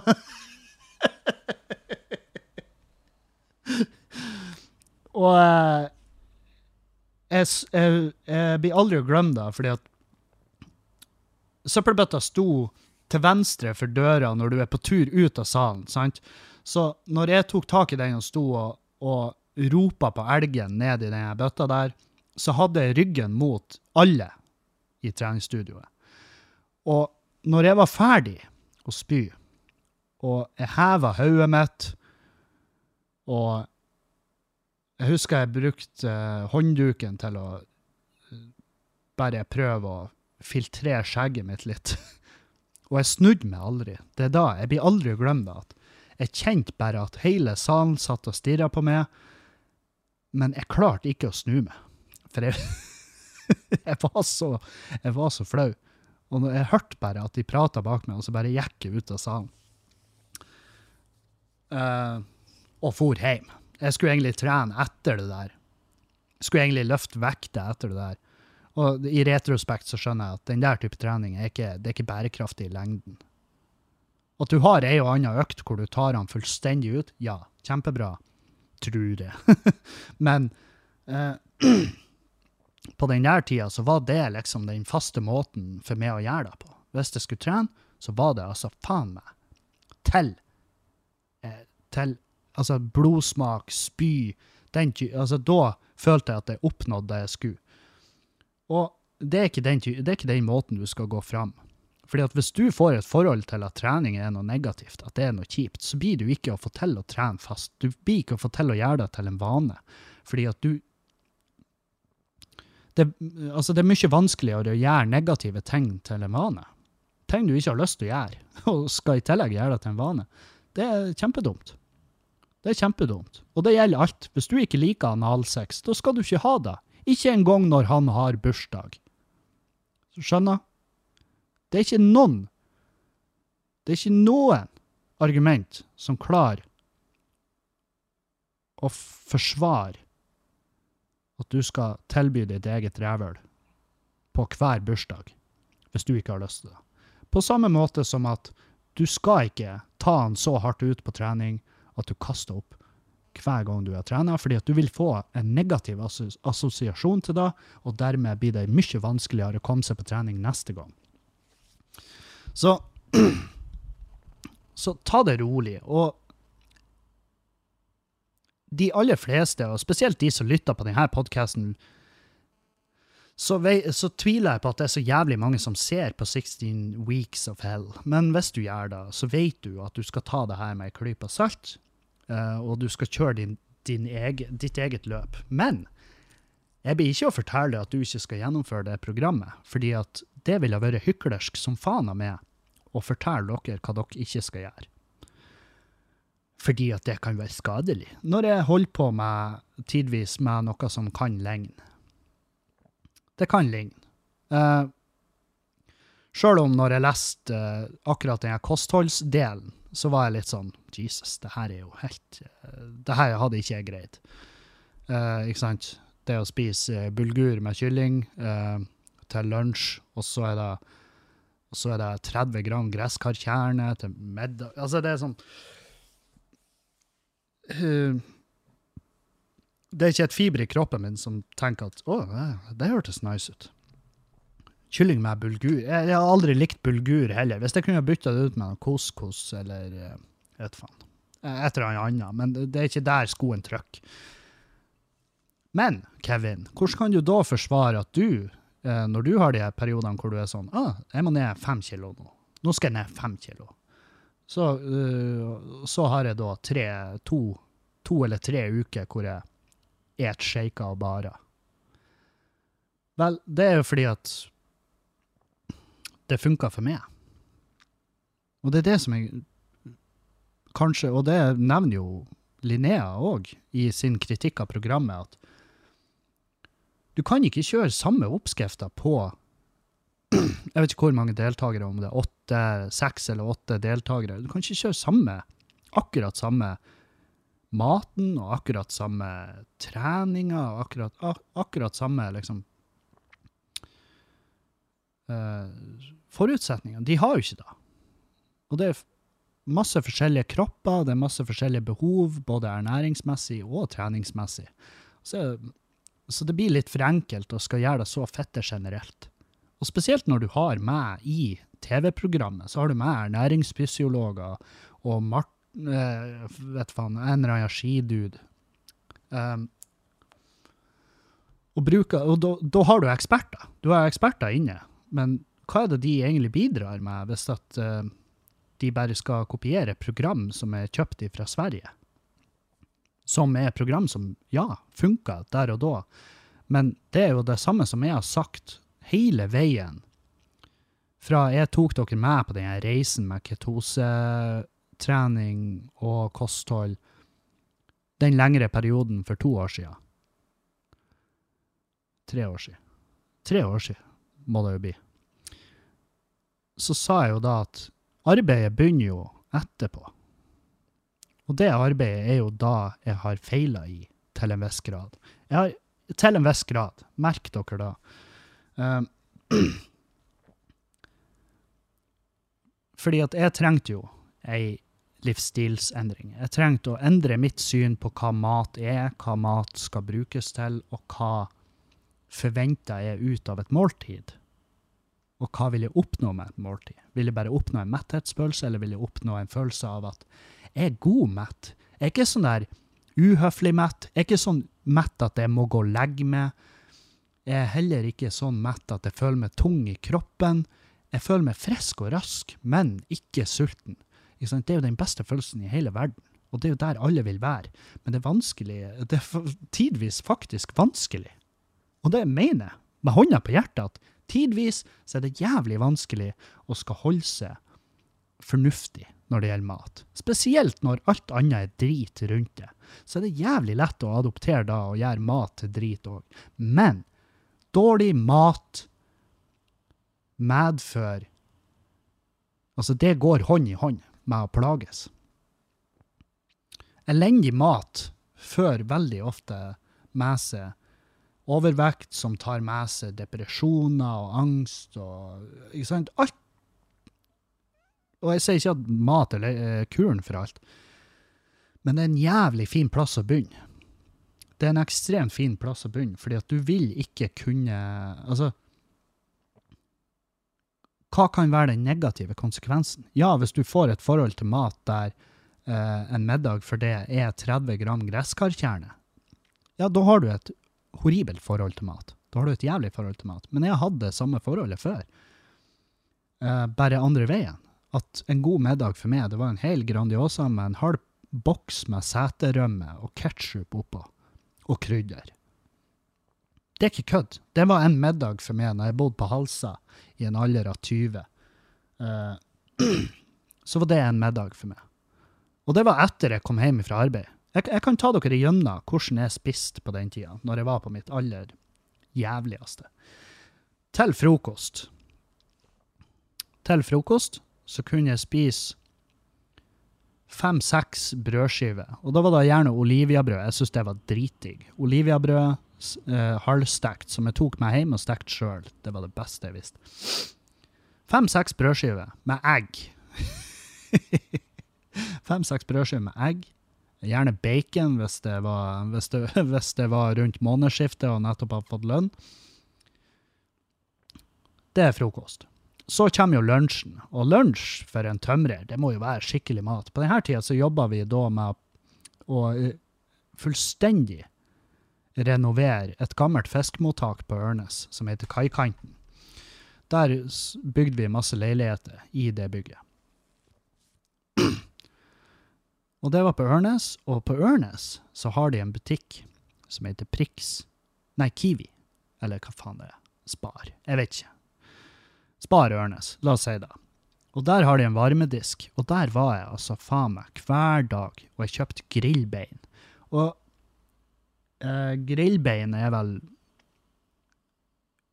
et sånn her hypermarinert uh, svinekjøtt, tror jeg det. Jeg tror, ja, det er svin. Det må det være. Og så sitter du og gnager på de beina og bare super i det, det der ekle Ja, det- er så vidt jeg greier å Jeg klarer ikke å beskrive det, for jeg er på tur og eh, brekker meg. Og det er veldig fint at jeg har den holdninga til grillbein i dag, fordi at på den tida så hadde jeg den holdninga at jeg kunne gjerne spise ja, en stor pose med de grillbeina fra varmedisken, og skjølta gjerne ned med 1,5 liter cola. Så kommer jeg hjem fra jobb. Da er det den, eh, da er det den eh, infamøse Grandisen. Det er en Grandiosa med halv boks med rømme og ketsjup og krydder. Og så spiste jeg ikke mer den dagen. Det er de tre måltidene. Og tre enorme måltid, tre enorme måltid med masse usunt fett, med mye altså pizza, med tonnevis med raske karboer, og ikke en Altså, hva faen fikk jeg i meg av næring der? Bare drit. Og Og da, på den tida, så var, jeg husker jeg var blind for hvor svær jeg egentlig var. Det var ikke før kjæresten min på den tida fortalte meg at jeg tenner ikke lenger på det. Du er ikke den personen jeg ble i lag med. Og jeg bare, hva du snakker om? Og så er jo Du er jo Du, du er blitt enorm. Du er dritsvær. Du er, over, du er skikkelig feit. Og du var ikke da når vi møttes. Og da husker jeg at jeg ble sånn her Jeg gikk rett i forsvaret. Jeg bare Jesus Christ, hva faen du Og det her bare slenger det ut i ei bisetning. Og hun bare nei, du spurte meg nettopp hvorfor har vi ikke sex lenger. Og da tenkte jeg at nå skal jeg være ærlig med deg og si hvorfor. Fordi at jeg har gått og tenkt på det, og det har plaga meg. Og jeg husker jeg tenkte fy faen for ei jævla hore, for ei bitch, som våga å gå løs på mitt utseende på den måten der. Men jeg har null problem med å forstå det. At man har preferanser, at man ser Altså Det sitter litt lenger inne å ha sex med en person som du ikke syns er fin. Fordi at det er jo noe der som skal Og hvis personligheten ikke er nok til å få get the juices flowing, så er det veldig Så har det ikke så mye for seg å prøve. Um, og da husker jeg jeg gikk på badet. Etter hun sa det her til meg, så gikk jeg på badet, og jeg så meg i speilet. Og da var det som om noe hadde skjedd. Fordi at jeg hadde vært fullstendig blind for hvordan jeg så ut. Og jeg hadde lagt merke til det på arbeidet, jeg hadde lagt merke til at det ble vanskelig å navigere seg på en byggeplass, at jeg måtte finne døråpninger istedenfor å prøve å presse meg gjennom en 60-modul. Sånne her ting som et, burde, et, menneske burde komme seg mellom 60 cm. Uh, åpning. Spesielt hvis du skal være tømrer, fordi at hele arbeidsdagen din, den går på 60 cm. 60 cm, det går igjen. 60-gangen, den er uendelig i byggebransjen. Så den må du bare vende på. Uh, og hvis du er over 60 cm da i diameter, eller nei, ikke i diameter, i radius, blir det vel, så, så, vil det, så vil det sette diverse sånne her, praktiske bremser på arbeidet ditt. Og det var da, jeg, når jeg gikk inn og så meg i speilet, da, det var da jeg innså at det her, det, det er jo faktisk helt jævlig. Det er helt borti helvete. Og da hadde jeg tidligere jeg hadde kommet meg unna militæret på bakgrunn av min overvekt. Altså, legen skrev en lang melding om hvor horribel jeg så ut, og jeg husker jeg ble, jeg husker jeg ble irritert.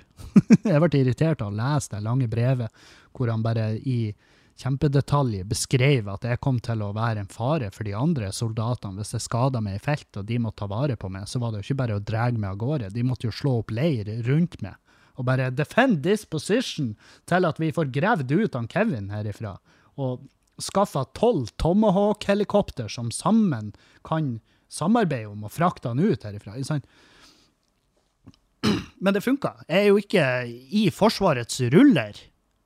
Jeg vil ikke kunne bli kalt inn til krig, for de vet ikke at det eksisterer. Jeg fikk et så jævlig hardt svar på den meldinga jeg sendte inn, at jeg har ikke lyst til å være med og leke krig sammen med dere i skauen, for det passer meg dårlig. Og jeg har ikke lyst. Jeg har ikke noe form for, jeg har ikke noen følelse av at å, Norge, det må forsvares overalt på jord. Jeg har ikke tenkt å ofre livet mitt for det landet her. For det landet her har ikke kommet til å ofre livet sitt for meg. Uh, Og med det brevet så fikk jeg bare svaret at ja, du, vi har mottatt ditt brev, du er det herved fjerna fra Forsvarets ruller. Og da var jeg sånn ah, deilig. Nydelig. Men så ble jeg jo ensom igjen når alle de andre for i Forsvaret. Syns jo da var irriterende. og eh, og i, i dag, når jeg ser tilbake på det, så er det sånn faen, jeg skulle egentlig bare dratt i Forsvaret. For det første, det kunne ha stoppa meg fra å, opp, å nå den vekta jeg var på. Det kunne også ha hindra meg å jobbe i en ekstremt giftig eh, I et psykogiftig miljø i, som jeg hadde med sjefen min i firmaet jeg jobba før. Og ja, det kunne spart meg for mye. Det kunne også spart hun eksen min fra å være i lag med en fyr som bare gradvis forfalt foran øynene på henne. Men når jeg tok tak i det, og det funka, så bort i helvete. Og jeg gikk, og jeg raste ned i vekt, og jeg fikk en kjærlighet for trening, jeg fikk en kjærlighet for å holde meg i bevegelse. Og den kjærligheten er ikke borte. Det er bare at av og til så trenger han, av og til ligger han i koma og må fyres opp igjen. Uh, og jeg håper at det her skal være den tida der jeg faktisk kan få det inn som en eh, For det jeg har slitt med, er å gjøre det til en eh, fast greie. Og det er pga. jobben min. At det er så ustabile arbeidsuker. Plutselig har jeg to uker hvor jeg er ute og reiser, og så bor jeg på et dritthotell hvor det er vanskelig å finne treningsstudio osv. Masse unnskyldninger. Men alle de her unnskyldningene, alle de her problemene kan løses. Og jeg har ressurser nok til å løse de. Det er masse. Jeg, jeg, kjenner, jeg har masse kollegaer i standupen og musikere som jeg vet om, som har med seg slynge som de trener på rommet. Altså det, hvis du tar det seriøst nok, og hvis du gjør det til en så viktig del av livet ditt, så får du til å trene. Men det store arbeidet ligger jo i å faktisk gjøre det. Eller du kan la være å trene, og dermed bli fjerna fra Forsvarets ruller. Og nå i dag er jeg jo kjempeglad for at det ikke er en del av Forsvarets ruller, fordi at hvis eh, Ja, eh, la oss si at uh, denne krigen som eh, ligger og ulmer, skulle bryte ut, og Norge går i krig mot Russland, så vil jeg heller Jeg vil heller eh, søv i, søv i en eh, i ei køyeseng i en gymsal enn å fære og trø på svenskegrensa med et gevær. Fordi at jeg ikke har tenkt å ofre livet mitt for det her. Uh, nå tror jo ikke jeg at en moderne krigføring mellom la oss si Russland og Norge og USA og sånn, det er umulig for meg å si hvordan det ville sett ut, for jeg har null peiling. Men det jeg vet, er at jeg har ikke lyst til å delta. Fordi at jeg har forstått såpass mye at hvis Russland hadde bestemt seg for at Norge ikke lenger skal finnes, så hadde ikke det vært opp til Norge. Det, Norge hadde ikke hatt så mye de skulle sagt i den saken. Um, hvor jeg på ekte er stressa. Jeg er på ekte stressa over den situasjonen som er nå. Fordi at uh, jeg, jeg stoler ikke på Jens Stoltenberg i den rollen han har. han fyren der er en uh, livsfarlig krigshisser, og jeg er litt sånn der i tvil om han er rette person til å ta denne praten. Men i samme tid, kanskje han er det. Kanskje han er nøyaktig det som trengs for å kunne sette For å kunne uh, fjerne enhver tvil Russland måtte ha hatt om at hvis dere gjør det her, hvis dere fa faktisk på ekte, som det gedigne, forpurte, forkastelige drittlandet dere er, velger å gå til krig mot Ukraina, basert på at dere påstår at det er de som ypper opp til krig. Um, for å få de til å forstå at eh, det her er, hvis dere gjør det her, så kommer vi etter dere. Og det er jo hele greia med Nato, er jo at samla så skal vi greie å ta Russland. og det må jo være litt stas for Russland å være i en sånn supermaktposisjon at du må kunne stå og se på at alle de andre lagene må slå seg sammen, bare for å ha et minuskult håp om å kunne gjøre det skade. Det må jo, være, det må jo gjøre litt med sjøltilliten deres. Og det er vel derfor de oppfører seg sånn som de gjør. Og, eh, og på grunn av en Altså bare en ren middelaldersk for- forhold til hvordan mennesker skal være. Uh, ja, Kevin tar bladet fra munnen og arresterer Russland.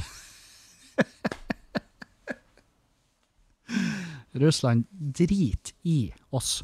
uh, helt til at vi hisser, hisser dem på oss. Og hvis den krigen bryter ut, så vet jeg at eh, jeg er ikke noe Max Manus-dude. Jeg kommer ikke til å være typen som, eh, som sniker meg rundt og senker skip i Bodø havn. Eh, på ingen måte. På ingen jævla måte. Men jeg håper jo selvfølgelig at noen gjør det, bare fordi at, la oss si, hvis jeg ser da et skip søkk som er av russisk eh, herkomst, så vil jo jeg juble. Og så blir å si horrible ting som at jeg håper det er mest mulig soldater nedi uh, maskinrommet der. Men jeg tror ikke jeg har det i meg til å være han fyren som sykler rundt med dynamitt. jeg tror ikke det. Absolutt ikke. Uh, det er nok neppe noen som blir å få tatoveringer med mitt navn. Det blir ikke noe Ja, Kristoffer Joner eller uh, ingen av Aksel Hennie blir ikke å spille med i fremtida. Absolutt ikke. Jeg blir å forskanse meg på hytta. Ikke med våpen, men, med gode ord. gode ord og lykkeønskninger. Og hvis de kommer da ned til hytta, så blir jeg å si ah, dere vinner. Dere tok meg der. Lær meg russisk. Fortell meg hvorfor Fortell meg at det at jeg tidvis suger kuka er en sykdom og ikke noe jeg har lyst til. Ikke sant? Jeg hadde ikke kommet til Jeg hadde ikke takla det. Og jeg fortalte legen min i går at jeg stressa over den Ukraina-situasjonen, og, og da sa han ja, alle stresser over det. Og det Jeg skulle ønske han bare løy til meg og sa ja, men herregud, Kevin, du vet jo at i dag så vet Russland at det å I dagens klima, det å gå i krig for Russland vil Uansett utfallet av krigen vil det være vil det bety at de går konkurs som land. Si nå heller da, sånn at jeg kan tro på det, og så dermed roe meg litt ned. Og det her kommer jo i tråd med at i, gjennom høsten så har jeg eh, Så jeg blir mer og mer altså, Og det vet jeg at jeg blir når jeg er deprimert. Jeg blir også paranoid. Um, eller mer paranoid. Og da går sånne her ting ekstra inn på meg. Det gjør det. Um, en annen ting jeg har lyst til å diskutere, det blir jo en lang jævla episode i dag, men det takler dere sikkert, um, er jo det koronapasset, som eh, jeg ikke har vært motstander av tidligere, og jeg er litt usikker på hvor jeg står nå også. Men jeg, Øh, jeg har fått mindre uh, Jeg har fått mindre lyst til at vi skal ta det i bruk. Og det er fordi at jeg faller på mitt eget argument. Sant? For det tidligere argumentet mitt for koronapass var jo at uh, hvis du tar vaksinen, så blir du ikke smitta, og dermed så smitter du ikke videre. Mens nå har jo ting forandra seg i den retning at nå er vi der at vaksinen hindrer ikke smitte, sant? Det er i hvert fall det jeg har lest. At den ikke nødvendigvis hindrer smitte. Fordi OK, la, eh, la meg omformulere meg sjøl. Bare sånn at det ikke skal kunne misforstås og ta ut, tas ut av kontekst og dermed spinnes som at det er en forpult antivakser. Men for det er jeg ikke. Jeg er for vaksiner. Ta den hvis, øh, hvis du har lyst. hvis du tror at den på ekte kan gjøre det godt. Eh, men hvis du ikke tar den, så må du også ha forståelse for at det kan ha konsekvenser. Men jeg sier da bare så enkelt som det her. Hvis at vaksinen ikke forhindrer smitte at all, hvis den ikke forhindrer smitte, så er ikke for koronapass. For da um, har jo koronapasset i mine øyne mista sin hensikt. Fordi at til syvende og sist da, så vil jo eneste hensikt med koronapasset være å i anførselstegn oppfordre eh, slash tvinge folk som ikke har lyst til å vaksinere seg, til å vaksinere seg for deres egen beskyttelse. Uh, og da, er jeg, da vil jeg være prinsipielt imot det. For jeg er imot tvangsbruk for å beskytte uh, folk mot seg sjøl. Med mindre det er for jeg, Med mindre det er noen som er psykotisk og suicidal. Altså de, hvis de ikke kan stå for sine egne handlinger dagen etter, så, så mener jeg at er det, her er det veldig rom for at vi kan beskytte folk mot seg sjøl. Men hvis det er bare folk som ikke har lyst til å vaksinere seg mot korona, korona eh, Med en vaksine som skulle vise at den hindrer kun alvorlig sykdom, ja, og hvis du ikke har lyst til å ta den, da, og, tar, og hvis du da gambler på den alvor, alvorlige sykdommen, vær så god. Minus er jo at du alene er jo en enorm byrde for helsevesenet. Men du kan jo også da bruke argumenter som at jeg betaler skatt akkurat sånn som du. Eh, ifølge skattelistene, Kevin, så betaler du litt for lite skatt, faktisk, så vi kan jo ta den diskusjonen senere. Og så sier jeg nei, den diskusjonen har jeg gående med skatteetaten, så det skal Jeg vil ikke ha flere. Jeg trenger ikke player, player free has entered the game der. Det tror ikke jeg trenger. Men Ja, så jeg er på et sånn der Jeg, jeg drar det imellom. Fordi at eh, Hvis de skal innføre eh, koronapass bare fordi at de har vært så fette tilbakestående idiot at de har bygd ned helsevesenet midt i en pandemi, uh, så eh, tenker jeg at nei.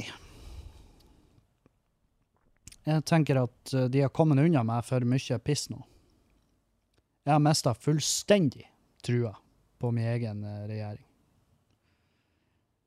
Jeg hadde da med den forrige, og jeg har det med den nåværende. Og det er veldig naturlig at jeg føler det, fordi at eh, Hvis du leser den eh, artikkelen som Mats Gilbert posta der, om tilstanden i helsevesenet og hvordan den har bidd utover årene, og hvordan de har fortsatt å kutte i helse, til og med i en pandemi, hvor vi har måttet stengt ned samfunnet for å ikke belaste samme helsevesenet som vi driver på og barberer, ja, da kan dere Og det her er bare ei oppfordring. Skyt dere sjøl i trynet. Jeg blir ikke å stoppe dere, jeg blir ikke å rope 'du har så mye å leve for', jeg blir eh, men jeg blir ikke å se på. Jeg blir ikke å pisse på grava di, jeg blir ikke å feire, jeg blir ikke å trakassere familiemedlemmer og de etterlatte. Jeg blir bare ikke å stoppe det. Uh, og det er fordi at jeg er blitt jeg, Det her har på mange måter ødelagt uh, de siste årene av livet mitt.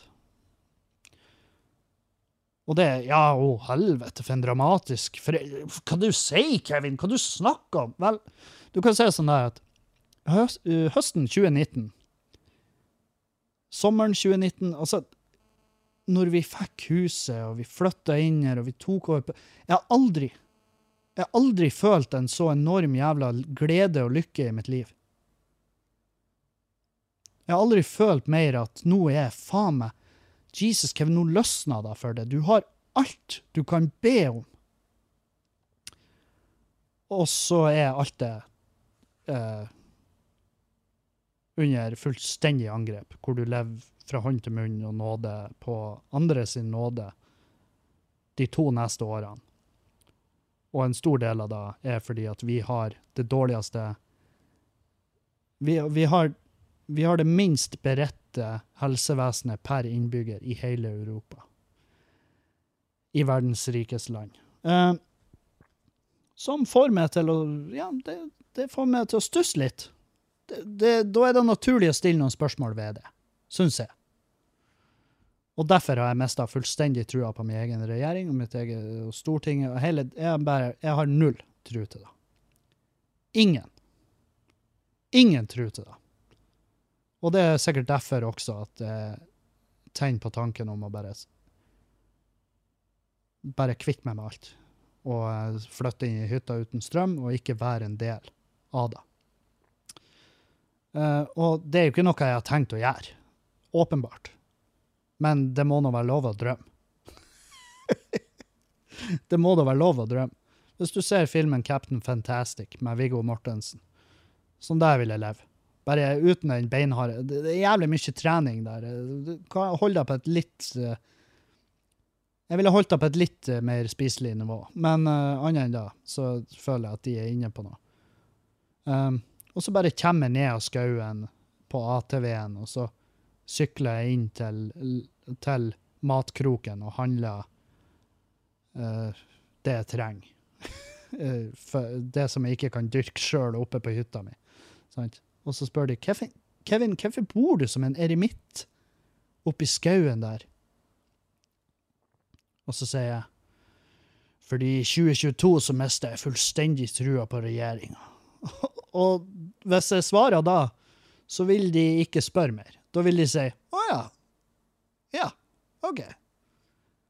Og så vil de ikke spørre mer, for da har de allerede bare avgjort at han fyren her, han er fette tullete. Og eh, Men det føles feil. Det føles feil at det er på en måte vi som skal ta den støyten. Spesielt når utelivet egentlig har stått for så lite av uh, av den smitten frem til jul. Um, Sett bort ifra ett spesifikt julebord, selvfølgelig, nede i Oslo, hvor absolutt alle omtrent ble smitta. Så jeg forstår da at vi må stenge ned. Det er vel det. Skal, nå drøfter jeg med meg sjøl. Det er ikke sånn at jeg har skrevet det her ned. Jeg drøfter, og jeg kommer fram til de her konklusjonene mens dere hører på. Jeg skjønner at vi strammer inn. Det gjør jeg. Og det er jo eh, vanskelig å si hvordan av tiltakene som funker. Det sier de sjøl òg. Det er vanskelig å sette fingeren på hvilke av tiltakene som er, som er skikkelig effektive, eller hvilke tiltak som ikke er det. Nå var det sånn at skjenkestopp ble rangert som middels effektivt av FHI. Helt fram til det jævla julebordet. da ble skjenkestopp lista opp som eh, veldig effektiv eh, innstramming. Og det var jo det vi trengte før jul. Vi trengte ei effektiv innstramming. Så jeg har null problem med å forstå at vi må stramme inn. Men det er så jævlig tungt å må stramme inn. Det er så fette tungt å må avlyse show, eh, ringe og be om betalingsutsettelse i banken. Det er så jævlig tungvint å, å ringe skatteetaten og, og, og si hvis dere ikke gir meg fuckings pusterom her nå, så, så blir jeg han fyren som skyter meg utafor skatteetaten. Ikke sant? Det er jævlig tungvint om å gjøre alle disse tingene. Eh, ikke fordi at vi må stramme inn, men når vi må stramme inn på bakgrunn av at vi er på tur å sprenge helsevesenet. Å ja, er vi da? Er vi på tur å sprenge det samme helsevesenet som du har kutta ned på, stemmer da? Så kan vi faktisk si at du på en måte har saga av den greina du sitter på. Og når du da detter ned, så, så krasjlander du og fullstendig knuser en hel bransje. Full av sårbare folk. det er derfor det er så jævlig surt. Det er da det blir så forpult surt når jeg vet at grunnen til at vi må gjøre det, er fordi at vi har gjort dårlige vurderinger andre plasser. Det er da, Man føler at man betaler regninga for noen andre, og det, det er så fette surt. Men, ja. Uh, helvete. Ja, uh, hva annet har vi på tapetet? Jeg vet faen. Uh, se, uh, ser har skrevet ned det her med at for at det er fremma et forslag om at politiet skal få lov å lagre alt du har skrevet på sosiale medier og offentlige nettsteder i 15 år. Eh, hvis det går igjennom, så blir jeg jo eh, da, må jeg, da må jeg slette Facebooken min. Da, skal, da er den borte. Eh, for der ligger det altså faen meg mye spesielt. Jeg skal, tror faen meg jeg skal gå inn og stenge veggen min allerede nå. Bare få det bort. Men ja ø, At de skal kunne lage ting du har skrevet på sosiale medier i 15 år, sånn at det kan brukes mot det, er for meg noe av det mest sinnssyke jeg har hørt. Fordi at jeg vet hvilket forhold jeg har hatt til sosiale medier i hele mitt liv. Og jeg har sett på sosiale medier som min lille lekegrind, hvor jeg skriver Altså, jeg har skrevet så mye fucked up drit opp gjennom tida. Altså, det er ikke kødd. Det har vært så borti natta mye sjukt. Og hvor alt egentlig til syvende og sist har vært et forsøk på humor, eller bare Eller bare mm, sammenbrudd. Altså hvor jeg var lynings eller forbanna eller lei meg for et eller annet posta på Facebook. Og det var jo gjerne på den tida hvor Facebook ble brukt til det her. What's on your mind, Kevin? Det er det første du møter når du går inn på Facebook. Sant? Og da, når jeg fikk med Facebook, så brukte jeg å skrive What's on your mind, Kevin? Så skriver jeg mat. Sant? Så det var et litt annet forhold til sosiale medier på den tida.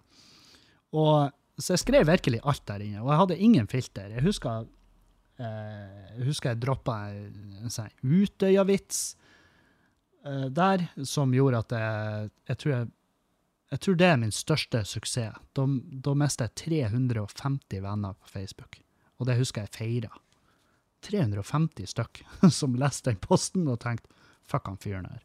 Og jeg har null problemer med å forstå det, fordi jeg fjerna masse folk fra Facebook basert på hva de poster. Og det er sånn det burde være. Sånn at du kan gjøre en liten Gjøre litt sånn der uh, vårrengjøring i din egen forpulte venneliste. Og det burde alle gjøre, fordi at gud bedre, det er mye grums der ute. Jeg eksempel merka jo i forrige uke at jeg hadde en en dømt voldtektsmann på vennelista mi. Og uh, da var jeg sånn Oi, nei, han eh, trenger vi jo ikke å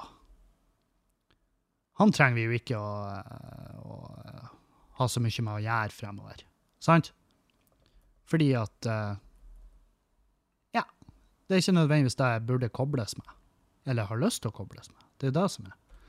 Og, og selvfølgelig antivakse folk og sånn her. Jeg bare har det ikke i energien min til å bruke tid på det. Og de har neppe i energien sin til å bruke tid på meg. Det er da som er forskjellen. Eller da som er de, Det gjør dem neppe noe. At de må leve livet sitt uten han Kevin. det koster dem neppe en drit. Og så får de heller bare gjøre sin greie, og så, og så får de front uh, naturmedisin, varme steiner, og så får de få seg en unge som de gir et eller annet super fucked up navn til, fordi at deres evige søken på å være spesiell og skille seg ut har smitta over og skal gå ut over ungen, sånn at vi må kalle ungen for Skanja Petronella, kom hit! Og bare, «Åh, Hvorfor heter jeg Skanja, mamma?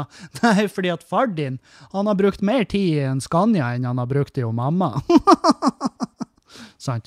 Hva- og det her temaet jeg har tatt opp så jævlig mange ganger, men kan du være så snill og ikke kalle ungen din for noe som er helt fitte idiotisk, og, der, og, og etterpå kom og syte over at ungen din blir plaga på skolen. Jeg sier ikke at det er din feil, jeg sier ikke at eh, mobberne har rett. Det er ikke det jeg sier. Men det jeg sier er at vi har alle vært barn, og vi vet hvor fette artig det er å lage eh, kallenavn. Og hvor fette artig vi syns det er med folk som heter Bob Kåre. Og hvis du heter Bob Kåre, så er det supert. Heter Bob Kåre for all del. Men jeg nekter å tro at du som heter Bob Kåre, aldri i løpet av hele ditt liv har tenkt faen òg, mamma og pappa, hva i helvete er det dere holder på med? Sant? Og jeg, jeg har så mange Jeg har så mange eksempler på Altså helt supertoskete navn. Altså navn hvor jeg er sånn der Det her det her burde være en skrivefeil. Hvis det ikke er en skrivefeil, så hater jeg det. på vegne av din egen unge, når den skal bli åtte år gammel, og må tåle den enkle, men allikevel så jævlig frustrerende humoren andre unger kan gjøre på ditt navn.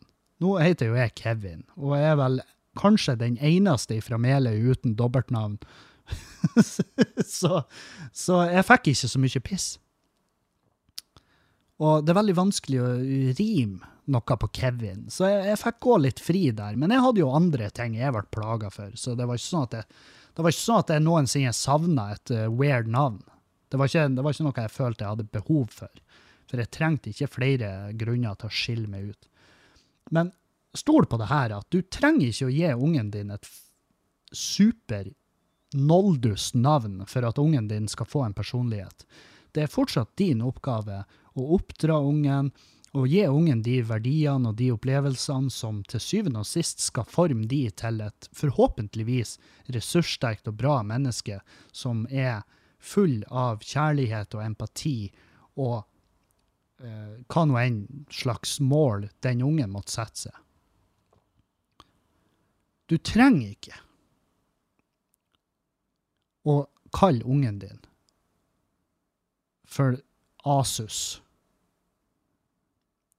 Asus Helium Pedersen. Den må ikke hete det. Den kan hete Anders. Den kan hete Kjetil. Den kan hete Lise.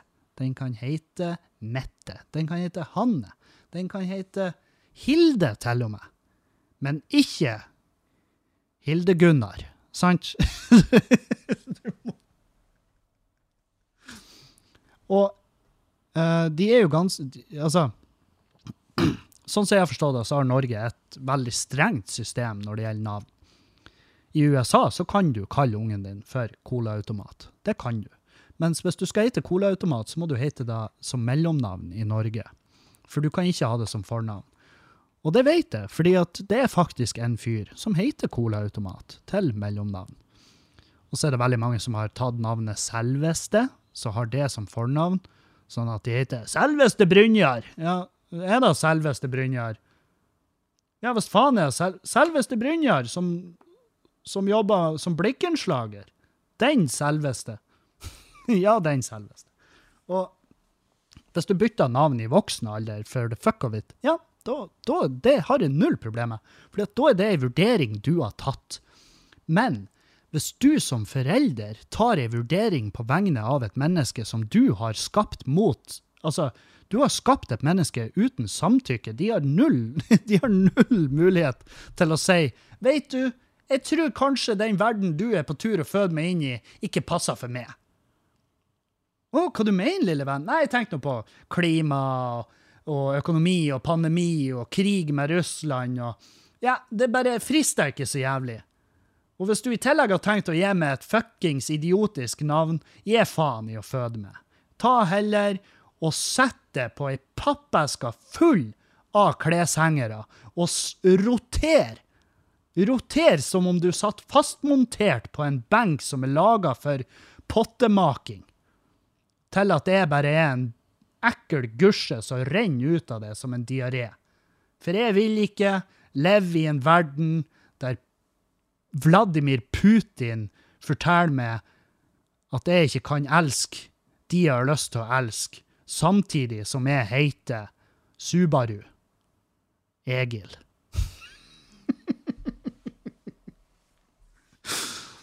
Så ja. Hvis, og, så hvis du har tenkt å få en unge, og du allerede sitter og planlegger og kaller ungen for noe helt idiotisk, så ja, gjør nå det. Det er jo ditt valg, dessverre. Det er helt valgfritt, dessverre. Men, eh, men, men eh, jeg håper at du legger til, eh, at du legger til minne. Og du kan gjerne bruke det som et argument at hvorfor skal jeg ikke kunne kalle ungen min for da jeg har lyst til å kalle ungen min for fordi at det står en fare for at de blir mobba i fremtida. Det er jo mobberne sin feil. Det er jo der vi må ta kampen.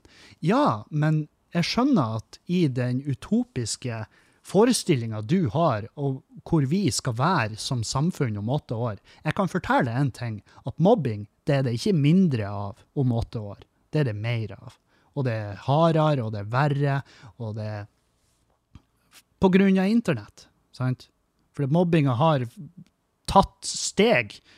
Uh, hadde mobbing vært økonomi, så hadde vi vært helt i hundre.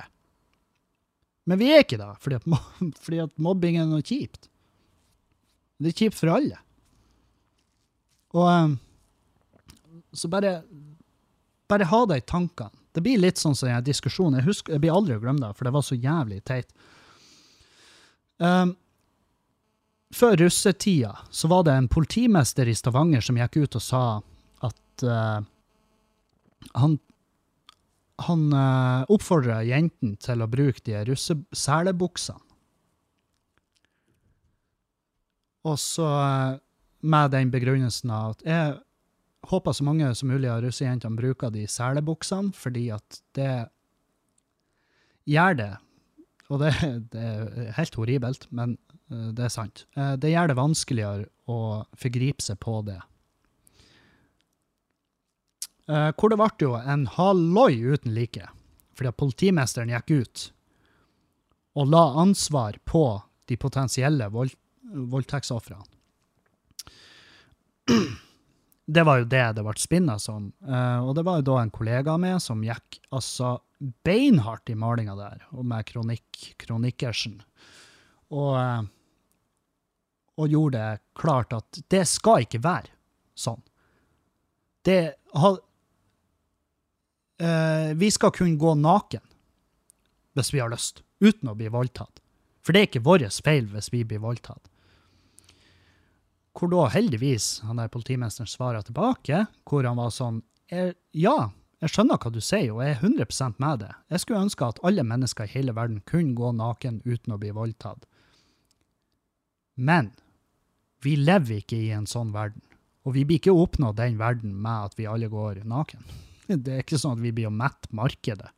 Det, og det han sa, var at jeg sier det her fordi at hvert år så får jeg inn et antall unge mennesker som har fått fullstendig ødelagt livet sitt på grunn av overgrep. Og det er da jeg vil unngå. Det er der jeg kjemper min kamp. Fordi at samfunnet er ikke perfekt, og det var det han sa. I et perfekt samfunn så kan du gå naken, men samfunnet er ikke perfekt. Og det vil det aldri være. Dessverre. Hvor jeg var sånn Huff, helvete. Er, jeg er glad du slapp den sannhetsbomba. Fordi at vi skal ha en viss form for optimisme. Og optimisme er superviktig for at eh, ting skal bli bedre, og at man skal gå fremover. Men man kan ikke slenge ifra seg den realistiske tankegangen samtidig. De må gå litt hånd i hånd. Så ja. Uh, hva, hva mer har vi? Jo. uh, vi skal faktisk avslutte, for jeg er jo på to timer straks. Um, og jeg beklager at jeg har tatt dere med på en eh, litt for lang, eh, litt for lang reise her, men, men eh, jeg hadde mye jeg ville få av hjertet, og jeg føler meg lettere, jeg føler meg bedre. Jeg, jeg klarer ikke å ta stilling til om det her var en bra og artig episode, men det var noe, jeg tror det var litt gøy og litt uh, alvorlig. Så eh, vi høres igjen i, for, mest sannsynlig tidligere i neste uke. På lørdag da er jeg i Hammerfest, og på fredag er jeg i Alta, så da, jeg skal ikke ha med meg podkastutstyret. Så jeg må få ut podkasten før den tid. Jeg håper at dere er da, og for dere som er på Patrion, vi høres veldig snart. Adjø, adjø, og auf Wiedersehen!